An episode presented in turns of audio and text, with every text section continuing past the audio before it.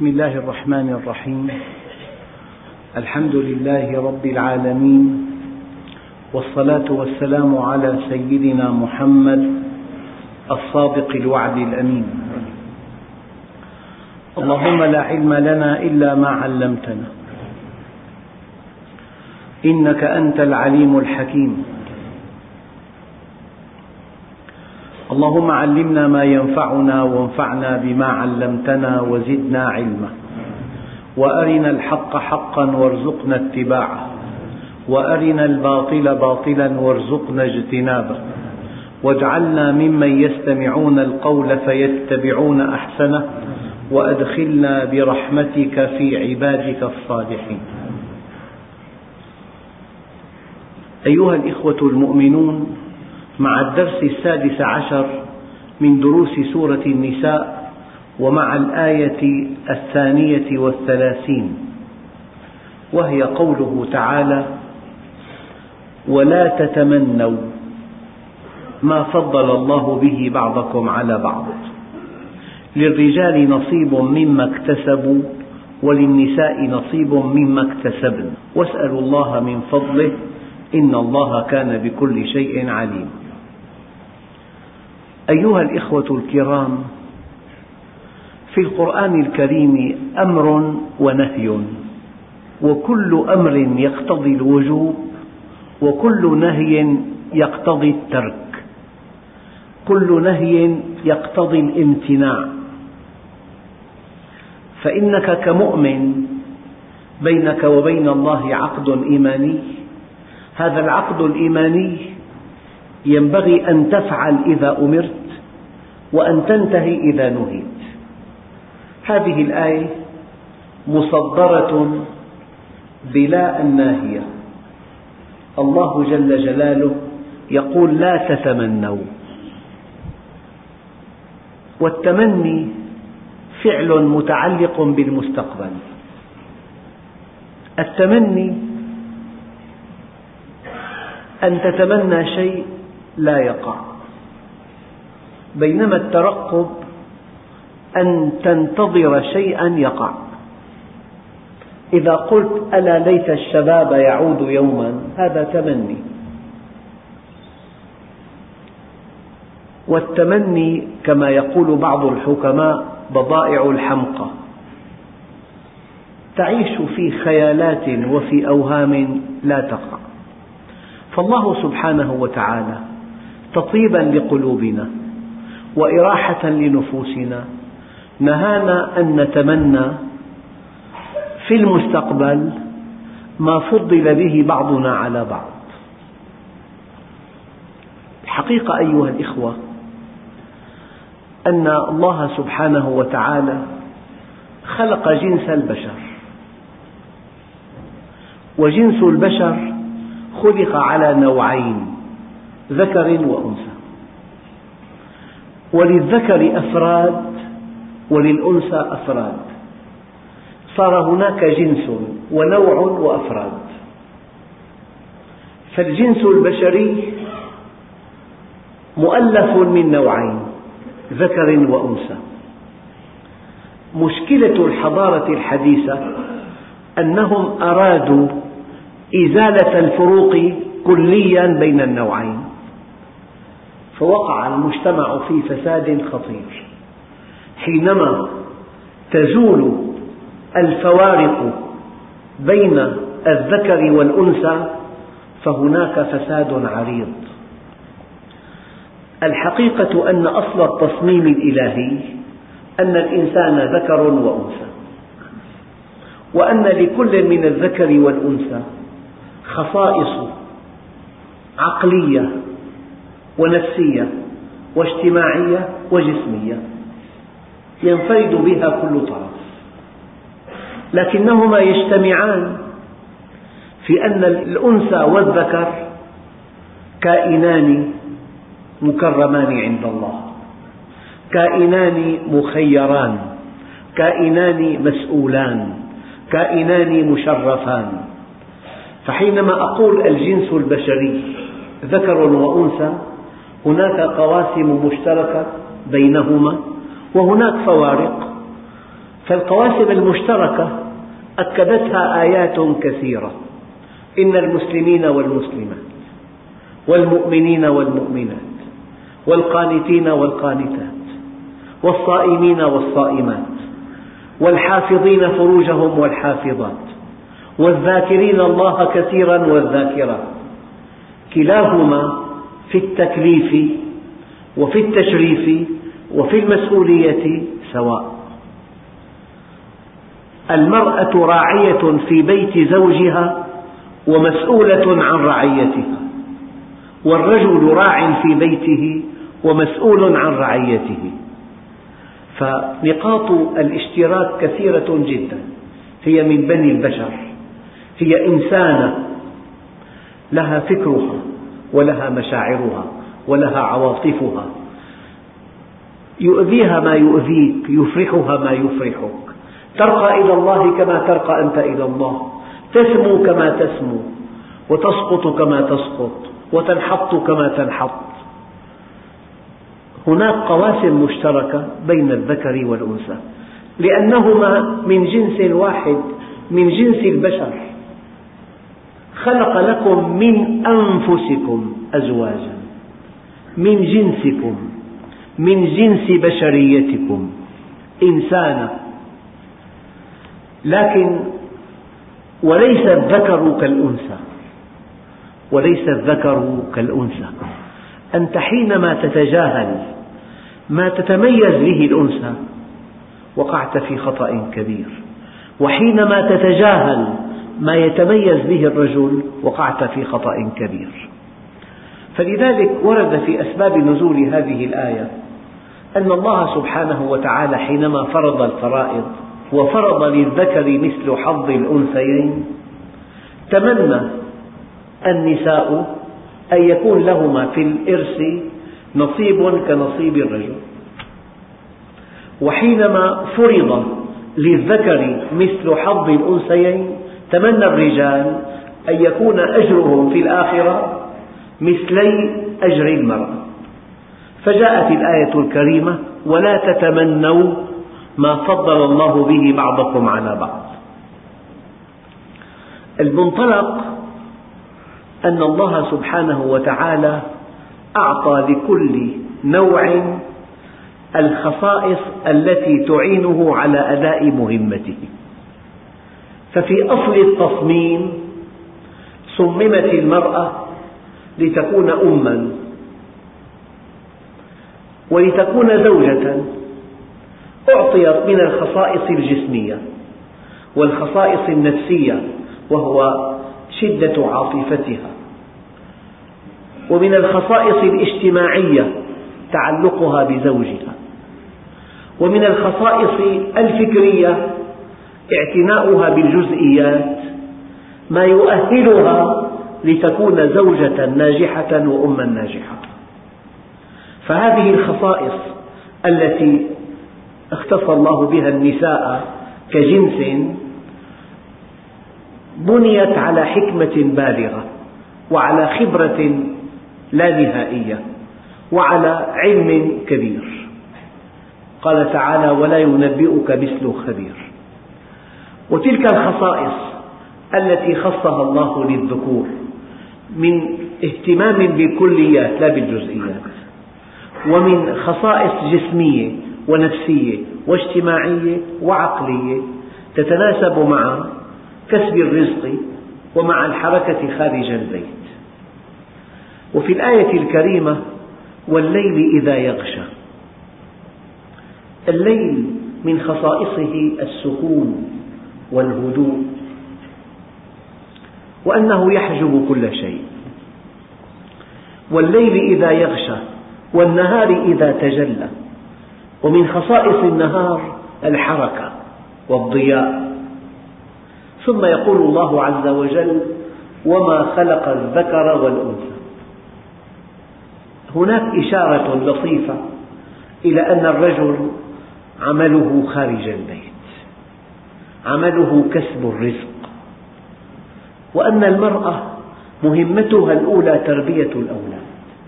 هي سكن لزوجها وهو قائد لمؤسسة البيت. هناك تناغم وتكامل بينهما. وقد ورد هذا المعنى في قصة المرأة التي اشتكت زوجها إلى الله. فقال الله عز وجل لقد سمع الله قول التي تجادلك في زوجها وتشتكي إلى الله. قالت يا رسول الله إن زوجي تزوجني وأنا شابة ذات أهل ومال وجمال.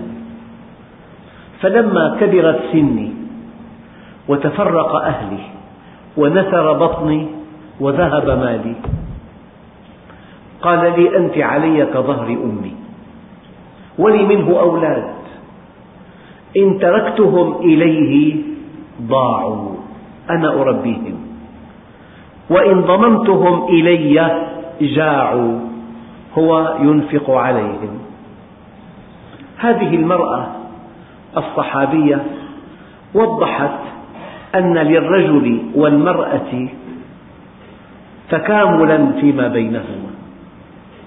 فيا أيها الإخوة الحضارة الغربية تريد أن تلغي الفوارق بين الذكور والإناث. يعني حينما تختلط المرأة مع الرجل في العمل وحينما لا تكون ملتزمة في ثوبها وفي حجابها ينشأ عن هذا الاختلاط وهذا التواصل فساد لا يعلمه إلا الله. لأننا خرجنا عن منهج الله عز وجل. فلذلك الله جل جلاله يقول ولا تتمنوا. هناك صفات إنسانية مشتركة بين الذكور والإناث. كلاهما مكرم عند الله وكلاهما مشرف عند الله وكلاهما مكلف عند الله وكلاهما مسؤول أمام الله. يعني مثلا لحكمة أرادها الله جعل امرأة فرعون الطاغية الذي قال أنا ربكم الأعلى والذي قال ما علمت لكم من إله غيري.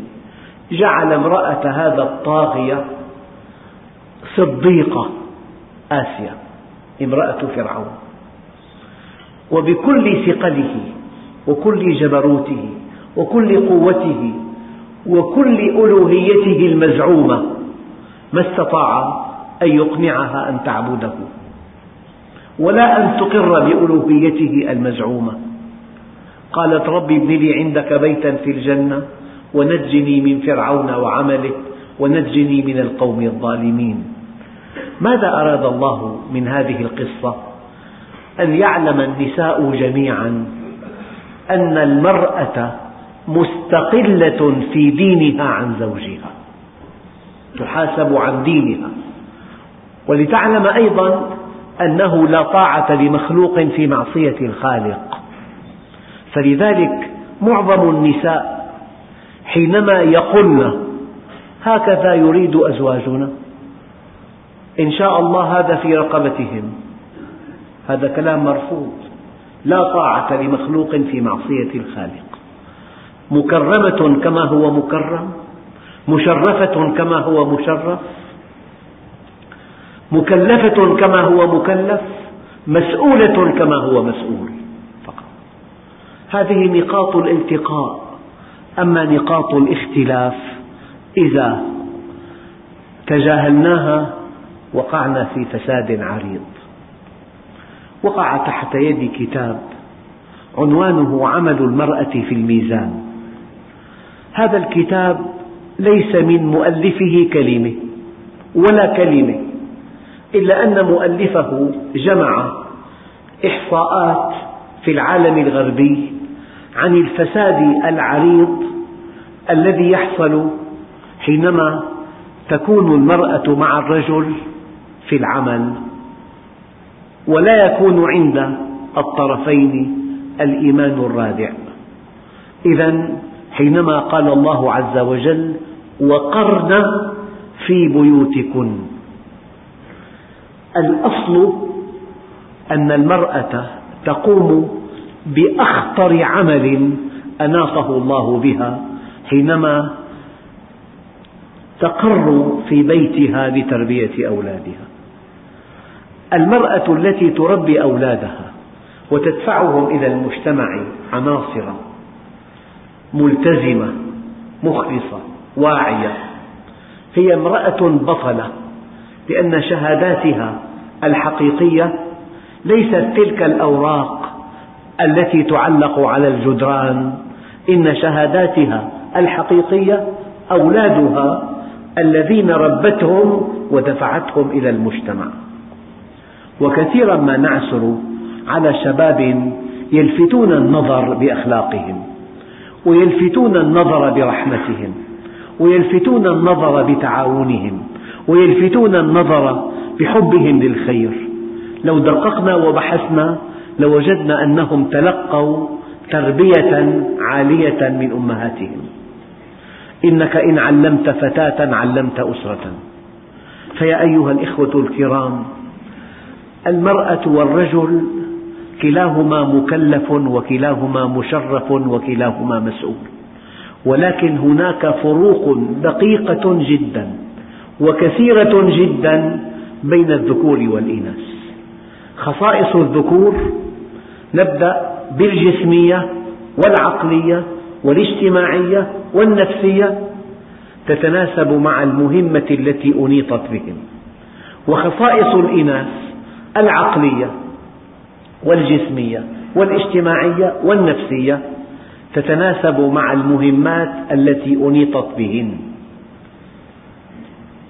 حينما كنا في الجامعة درسنا كتاب لمؤلف فرنسي عن الفروق الدقيقة بين الذكور والإناث والكتاب يقع في ثمانمائة صفحة. يعني قدرة قدرة القدرة على الحفظ. كيف هي في الرجال وكيف هي في النساء؟ القدرة على الخطابة القدرة على التأمل القدرة على التحليل القدرة على استيعاب المواد مادة مادة. الفتيات يتفوقن في التاريخ وفي الجغرافيا. وقد يتخلفن عن الذكور في الرياضيات وبعض المواد المجردة. على كل الكتاب ممتع جدا. وهو مترجم. إذا قرأته من دفته إلى دفته ثم قرأت قوله تعالى وليس الذكر كالأنثى لا تملك إلا أن تخر لله ساجدا. لأن القرآن ذكر آية قصيرة. هذا الكتاب ترجمة هذه الآية. فأي مجتمع وأي نظام وأي ترتيب يتجاهل الفروق بين المرأة والرجل. هذا نظام يقع في إشكال كبير وفي فساد عريض. نعم. ولا تتمنوا ما فضل الله به بعضكم على بعض. في شيء آخر.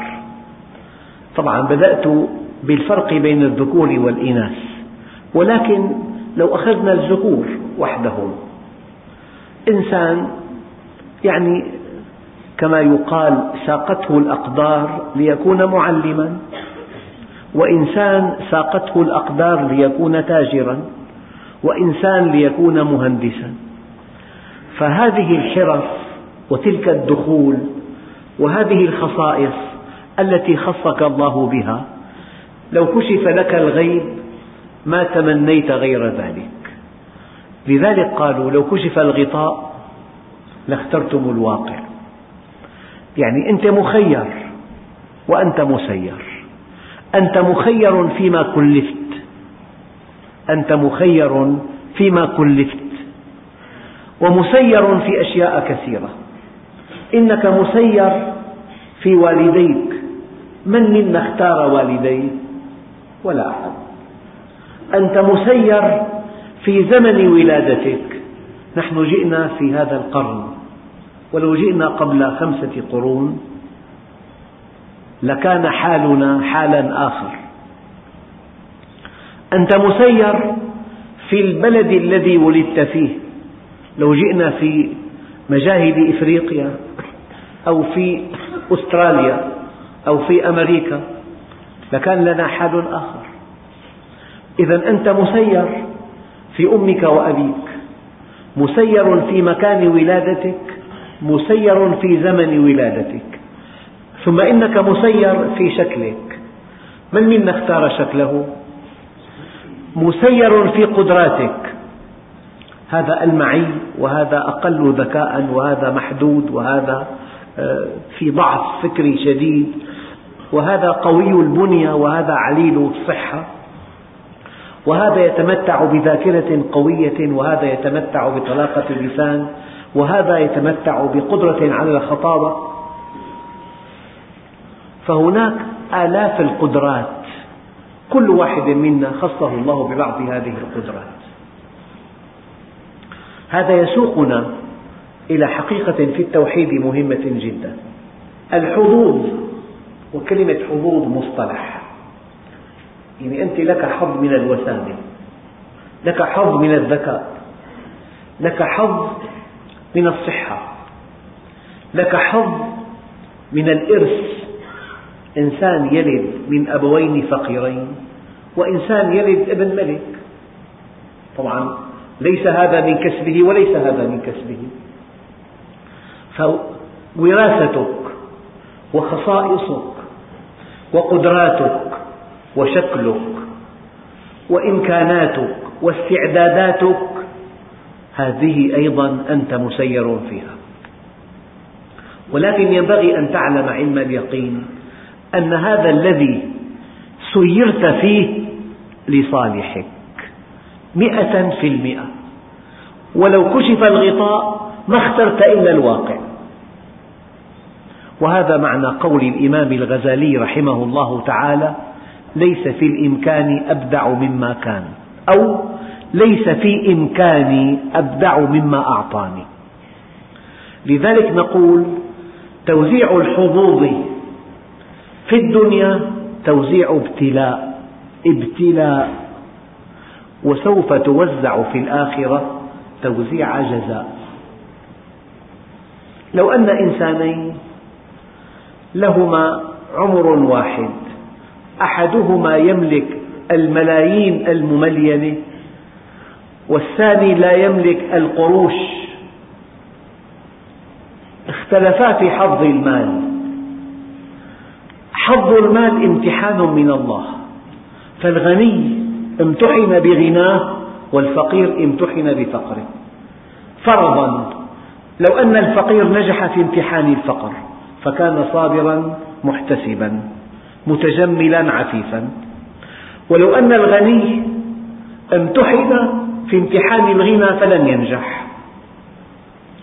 لو أن الفقير امتحن في امتحان الفقر فنجح. فرضا. وأن الغني امتحن في امتحان الغنى فلم ينجح. عاشا ثمانين عاما. الفقير يتلوى من الجوع لكنه صبر. والثاني يتلوى من التخمة لكنه كفر. ثم انقلبا إلى الآخرة. فالفقير في الجنة إلى أبد الآبدين وهذا الغني الذي لم ينجح في امتحان الغنى في جهنم إلى أبد الآبدين. فمن هو الرابح الحقيقي؟ هذه الدنيا دنيا الصور. لماذا قال الله عز وجل حينما وصف الدار الآخرة بأنها خافضة رافعة؟ في الآخرة رب أشعث أغبر ذي طمرين مدفوع بالأبواب لو أقسم على الله لأبر في الآخرة ألا يا رب نفس جائعة عارية في الدنيا طاعمة ناعمة يوم القيامة. ألا يا رب نفس طاعمة ناعمة في الدنيا جائعة عارية يوم القيامة. فالعبرة للمستقبل الأبدي وإن الخسارة الحقيقية هي خسارة الأبد. الخسارة الحقيقية خسارة الأبد. أيها الإخوة الكرام ولا تتمنوا ما فضل الله به بعضكم على بعض. الحظوظ في الدنيا موزعة توزيع ابتلاء وسوف توزع في الآخرة توزيع جزاء. يعني قصة أرويها لكم فيها موعظة بالغة إن شاء الله. دخلت إلى أحد البيوت وكان بيتا من أرقى البيوت. قال لي صاحب البيت هذا البيت مساحته أربعمائة متر. قلت له بارك الله به شيء جميل. قال لي وهذا البلاط استوردته خصيصا من إيطاليا. قال لي بالشحن الجوي. والله شيء جميل. وهذا الأساس مستورد. وهذه اللوحة ثمنها كذا وهذه السرية يعني أطنب إطنابا لا حدود له في الحديث عن بيته وعن كسوة بيته وعن أثاث بيته. فخطر لي أن أذكره بآية قرآنية. قلت له ما قولك لو وازنا بين هذا البيت وبيت يقع في أطراف المدينة تحت الأرض بلا طلاء وبلا مرافق وهو صغير. قال لي ما في نسبة بينهما؟ وازنا بين بيتين. بيت لا يزيد ثمنه عن مئة ألف وبيت لا يقل ثمنه عن خمسين مليون. ما في نسبة. وازن بين طبيب جراح كل عمل جراحي يتقاضى عليه مبلغ كبير. وبين ممرض مبتدئ مهمته تنظيف المرضى المقعدين. كلاهما في الطب لكن هذا ممرض وذاك طبيب جراح. وازن بين أستاذ في الجامعة. يحتل أعلى مكانة وله دخل كبير وبين معلم ابتدائي في قرية. وازن بين رئيس غرفة التجارة وبين بائع متجول في الأسواق يخاف من الشرطة. وازن بين رتبة عسكرية عالية جدا في مكتب فخم مكيف عدة سيارات على الباب وبين جندي خدمة إلزامية في الخط الأول في الشتاء في حفرة كلها ماء مثلا. وازن قال تعالى انظر كيف فضلنا بعضهم على بعض. مسافة كبيرة. قال وللآخرة أكبر درجات وأكبر تفضيلا. مراتب الدنيا أيها الإخوة لا تعني شيئا لأنها مؤقتة بل تعني العكس. في ثمان آيات هؤلاء الذين أترفوا هم الكفار. كفروا وأترفناهم في الحياة الدنيا. في ثمان آيات حصرا الله عز وجل قرن بين الترف وبين الكفر. قلت له مراتب الدنيا لا تعني شيئا وقد تعني العكس. مراتب الدنيا مؤقتة وليست أبدية. بينما مراتب الآخرة أبدية وما هم منها بمخرجين. أما لو واحد منا اعتنى في البيت عناية تفوق حد الخيال لا بد من أن يخرج منه أفقيا. في شك؟ لو كان حق بيتك مئة مليون. في أحد الأيام يخرج المرء من بيته هكذا ولن يعود. ألم تدخل إلى بيوت فخمة جدا لتعزي؟ أصحابها هم الذين بنوها وزينوها وفرشوها. أين هم الآن؟ في القبور. فلذلك مراتب الآخرة تعني كل شيء. مراتب الدنيا لا تعني شيئا. مراتب الدنيا مؤقتة مراتب الآخرة أبدية وما هم منها بمخرجين. الآن دعونا من الفرق بين النساء والرجال والذكور والإناث. فيما بين الرجال فلان دخله كبير لا تتمنى أن يكون دخلك كدخله. ارضى بما قسمه الله لك تكن أغنى الناس. أنا لا أدعو إلى أن تجلس إلى أن تقعد. إلى أن تتكاسل اجتهد ما أمكنك الاجتهاد.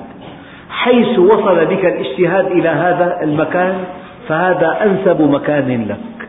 لذلك قال بعض العارفين بالله ابن عطاء الله السكندري ربما كان المنع عين العطاء. يقول ربما كان المنع عين العطاء. ربما أعطاك فمنعك وربما منعك فأعطاك. وعسى أن تكرهوا شيئا وهو خير لكم. وعسى أن تحبوا شيئا وهو شر لكم. والله يعلم وأنتم لا تعلمون. أيها الإخوة الكرام لا تتمنوا كما قال الله عز وجل ما فضل الله به بعضكم على بعض. الآن سبب هذا التفضيل. إذا أعدناه إلى نوع, نوع الجنس نحن من جنس البشر. لكن نحن ذكور وأخواتنا في القبو إناث قال لا تتمنوا ما فضل الله به بعضكم على بعض للرجال نصيب مما اكتسبوا وللنساء نصيب مما اكتسبن. إما أن الله أناط بالذكور مهمات ومسؤوليات وأوتي هؤلاء الرجال من أجل أن يحققوا أهدافهم خصائص متعلقة بهم. أو أن لكل واحد بحسب استقامته وبحسب إقباله وبحسب انضباطه وبحسب علاقته بربه هيأ الله له الشيء الذي يعد بحقه حكمة بالغة. إن من عبادي من لا يصلح له إلا الغنى فإذا أفقرته أفسدت عليه دينه. وفي أناس يعني لا يتحملون الغنى مقاومتهم هشة لمجرد أن يتوافر المال بين أيديهم ينحرفون عن سواء السبيل. وإن من عبادي من لا يصلحه إلا الفقر فإذا أغنيته أفسدت عليه دينه. ولأن الله سبحانه وتعالى علم ما كان وعلم ما يكون وعلم ما سيكون وعلم ما لم يكن لو كان كيف كان يكون. يعني أنت بهذا الحال مستقيم والحمد لله. ولكن لا أنا أعلم ولا أنت تعلم لو كنت بحال آخر كيف تكون؟ فكأن الله اختار لك أفضل شيء لك. وهذا معنى قول الإمام علي رضي الله عنه لو كشف الغطاء ما ازددت يقينا. يعني يقيني بحكمة الله وعدالة الله ورحمة الله قبل كشف الغطاء كيقيني بعد كشف الغطاء.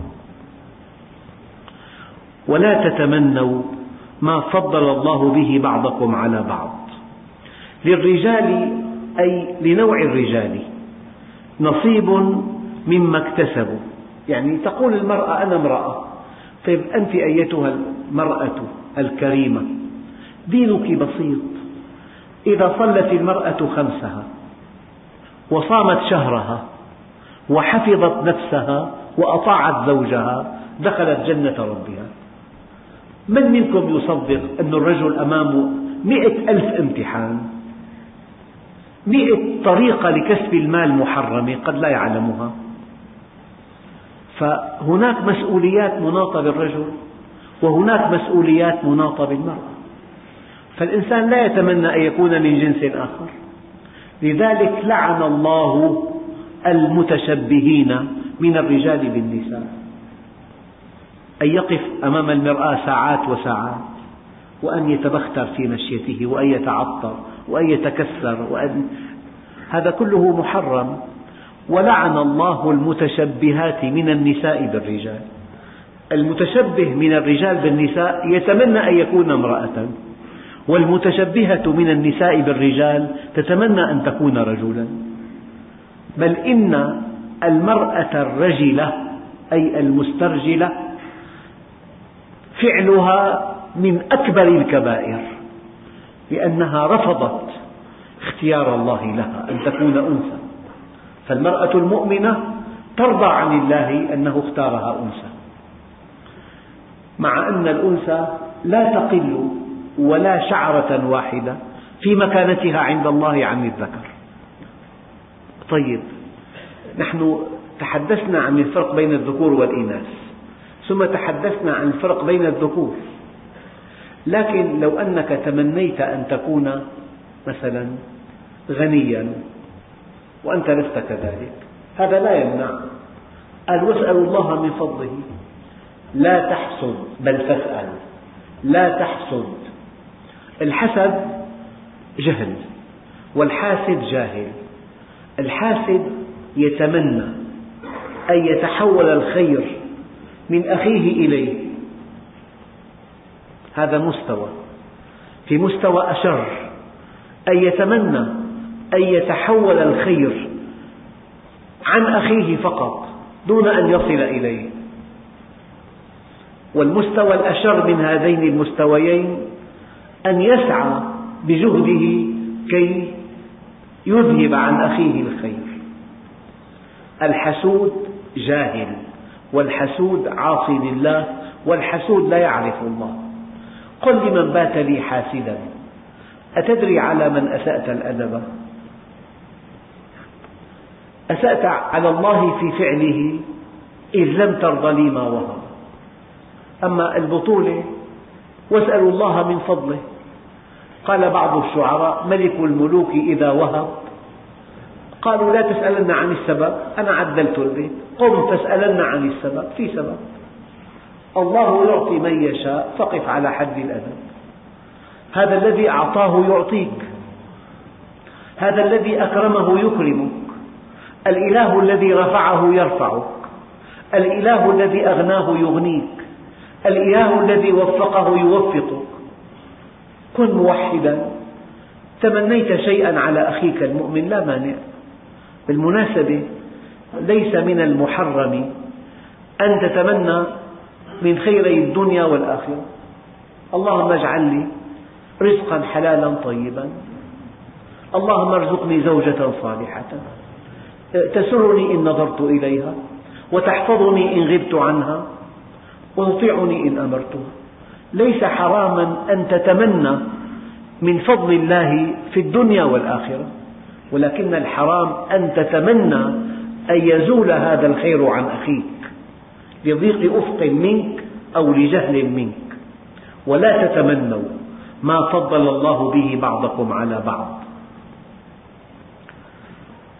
للرجال نصيب مما اكتسبوا وللنساء نصيب مما اكتسبن واسألوا الله من فضله.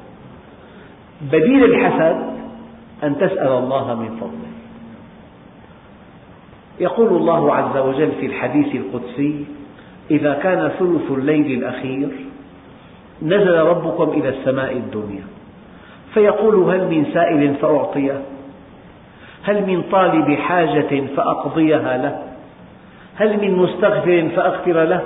هل من تائب فأتوب عليه حتى ينفجر الفجر؟ الله موجود. اسأله فيما بينك وبينه. بل إن الله سبحانه وتعالى في أكثر من اثنتي عشرة آية جاءت على الشكل التالي. يسألونك عن الخمر والميسر قل لهم فيهما اسم كبير ومنافع للناس. يسألونك ماذا ينفقون قل العفو. يسألونك عن المحيض قل هو أذى فاعتزلوا النساء في المحيض. يسألونك عن الأهلة قل هي مواقيت للناس والحج. اثنتا عشرة آية إلا آية واحدة. إلا آية واحدة. وإذا سألك عبادي عني فإني قريب. أجيب دعوة الداعي إذا دعان ليس في هذه الآية كلمة قل.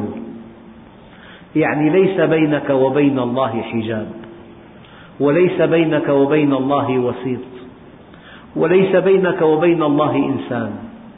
اسأله مباشرة. وإن الله يحب من عبده أن يسأله شفع نعله إذا انقطع. وإن الله يحب من عبده أن يسأله حاجته كلها. وإن الله يحب من عبده أن يسأله ملح طعامه وإن الله يحب الملحين في الدعاء ومن لا يدعني أغضب عليه. ليس بينك وبين الله حجاب. اسأل ربك حاجتك كلها. اسأله ملح طعامك شفع نعلك اسأله كل شيء.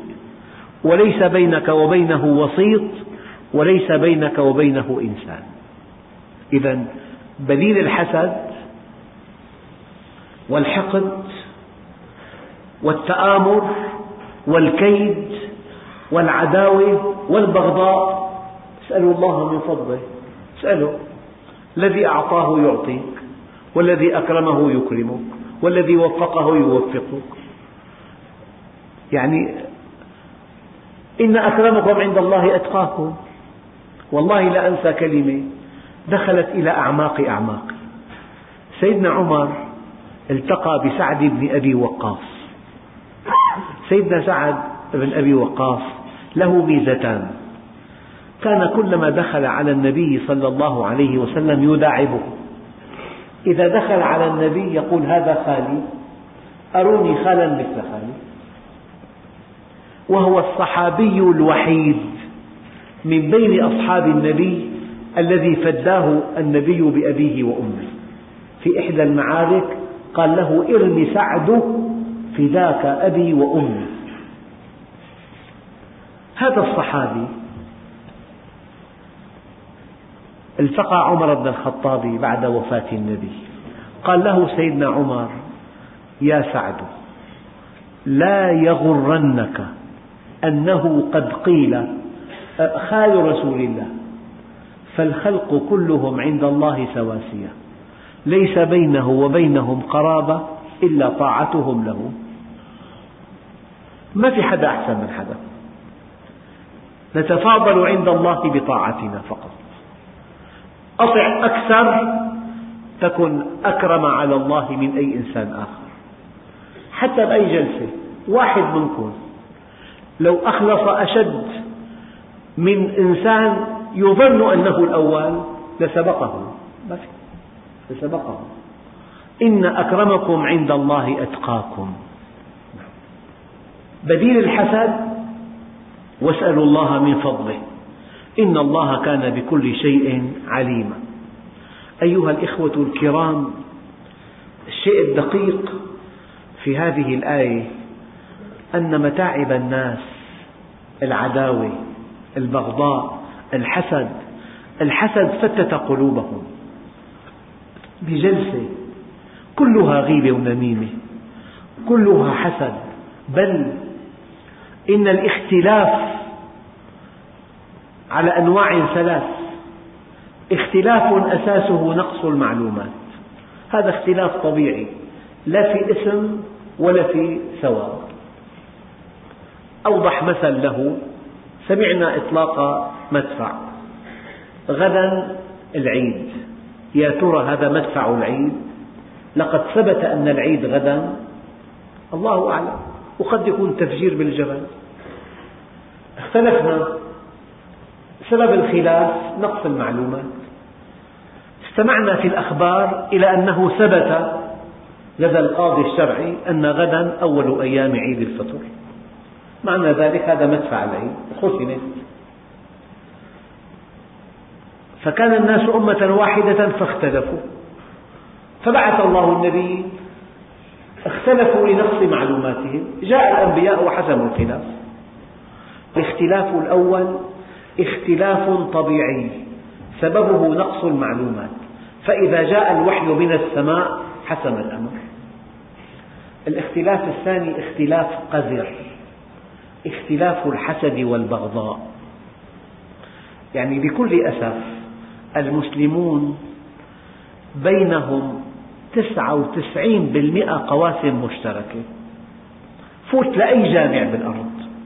قال الله تعالى وقال رسول الله ومع ذلك يتقاتلون. يتقاتلون وبينهم تسعة وتسعين بالمئة قواسم مشتركة. أعداء المسلمين يتعاونون وبينهم خمسة بالمئة فقط قواسم مشتركة. أليس هذا الاختلاف بين المسلمين وصمة عار بحقهم؟ فلذلك الاختلاف الثاني اختلاف الحسد والبغي. قال تعالى وما اختلف الذين أوتوا الكتاب إلا من بعد ما جاءهم العلم بغيا بينهم. في اختلاف أساسه الحسد. لا. أكثر ما ما يقوم من مشادات بين الناس. موضوع تأكيد الذات. يعني أخوك تكلم يجب أن أنتقده. يجب أن أسفهه. غير صحيح مو لهالدرجة. هذا شيء غير صحيح. فحينما يقصد الإنسان أن يؤكد ذاته على حساب مكانة أخيه إذا هذا اختلاف الحسن. وفي اختلاف محمود اختلاف التنافس. قال تعالى وفي ذلك فليتنافس المتنافسون. إنسان رأى أن أفضل شيء تأليف القلوب بدعوة مباشرة. وإنسان رأى أن أفضل شيء تأليف الكتب. إنسان رأى بناء المساجد. إنسان رأى تأسيس جمعيات خيرية. نحن نختلف هنا في وجهات النظر لكن هذا الاختلاف محمود لأنه رحمة. كل واحد أخذ خطا وسار به. أيها الإخوة إن شاء الله في الدرس القادم نتابع الآيات التي تلي هذه الآية. ولا تتمنوا ما فضل الله به بعضكم على بعض. للرجال نصيب مما اكتسبوا وللنساء نصيب مما اكتسبن. واسألوا الله من فضله إن الله كان بكل شيء عليما والحمد لله رب العالمين.